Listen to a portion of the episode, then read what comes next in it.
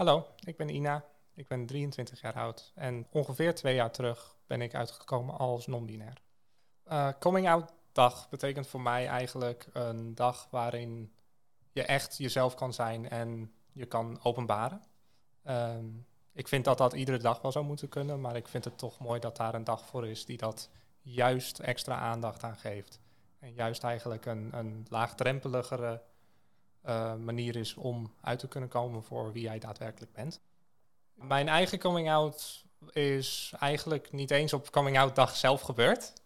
Um, maar het is wel iets wat, ja, het, het, is voor mezelf is het een proces geweest en ik heb het in stappen gedaan. Dus eerst richting twee vrienden die ik er heel erg mee vertrouw.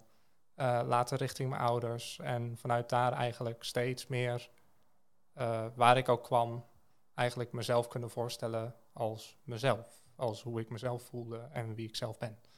Mijn uitkomen richting mijn vrienden was niet een. een het was deels gepland, deels niet gepland. Ehm, het was gewoon iets van: ik wilde het. Ik wilde het uitspreken. Ik wilde voor mezelf het eigenlijk uitgesproken hebben richting iemand anders. En op dat moment waren hun degene met wie ik dat het meeste vertrouwde. Het was toch een beetje ja, eng om het richting mijn ouders te vertellen, ondanks dat ik me er helemaal geen zorgen over hoefde te maken. En op die manier gevraagd of het kon, uh, of zij een moment hadden om even met mij te zitten, om te praten.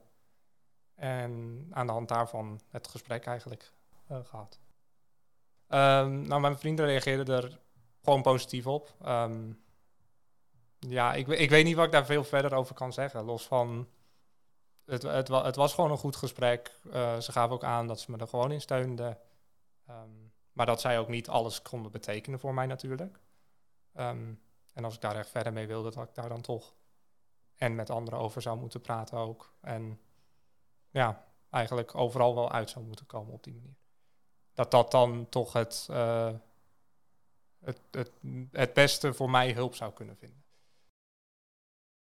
Uh, met mijn ouders was ook um, eigenlijk een ja, een beetje een, een apart gesprek. Ook deel, deels door briefjes, omdat ik het toen de tijd ook vrij moeilijk vond om het uh, rechtstreeks zelf uit te spreken. Richting hun dan in ieder geval. Um, dus in eerste instantie door een briefje op de tafel. Of er inderdaad eventjes, of we er even over konden hebben. Uh, en dan ook alsnog instappen wel uh, dingen aan hun uitgelegd en ja, geopenbaard.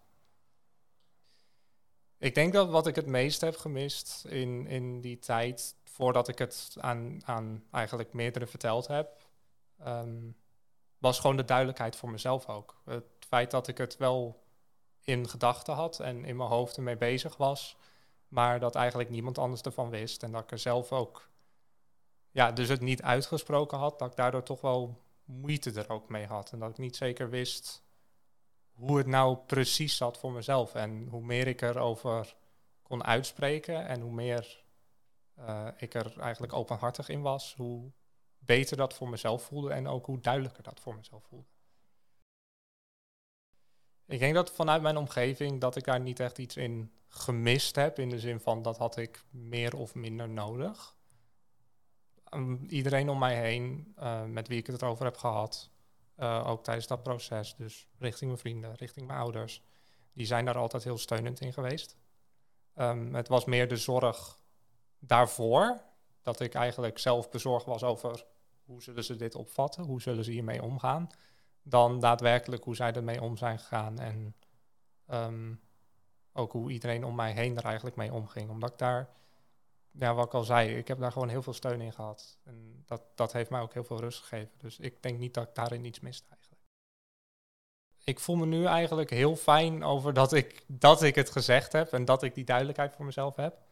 Um, ik zou ook absoluut niet meer terug willen. en ik denk dat dat wel echt een van de meest bevrijdende momenten is voor mijzelf om, uh, om dat gedaan te hebben. Ik denk dat de beste tip voor, of tenminste naar mijn mening, de beste tip voor iemand die hier nog moeite mee heeft. En of die nog niet uit is, of niet zeker weet of ze uit moeten komen of ze uit kunnen komen. Um, het lijkt altijd erger in je hoofd dan dat het daadwerkelijk is. En er zullen echt wel situaties zijn waar het oprecht lastig zou kunnen zijn om, om jezelf te zijn. Um, Maar dat lijkt altijd in je hoofd en je voorstelling erger dan het zou zijn. Dus het, ja, je, je maakt je meer zorgen dan nodig is. Tenminste, dat, dat is wel in mijn geval zo. En ik vermoed dat dat voor heel veel anderen ook zo zou zijn. Ja, eigenlijk het belangrijkste wat ik nog wel wil zeggen ook hier, ehm, los van mijn eigen verhaal, is dat iedereen zijn verhaal zou moeten kunnen doen. En dat hoeft dan niet per se richting je ouders te zijn in eerste instantie. Als dat lastig is, dan is dat lastig. Ehm, maar zoek een plek of heb een plek of hoop op een plek in sommige gevallen. Ehm, waar je daadwerkelijk jezelf kan zijn, je kan openbaren, waar je toch iets meer die ja, bevrijding voor jezelf. Want anders dan prop je jezelf in een hokje waar je eigenlijk helemaal niet blij mee bent.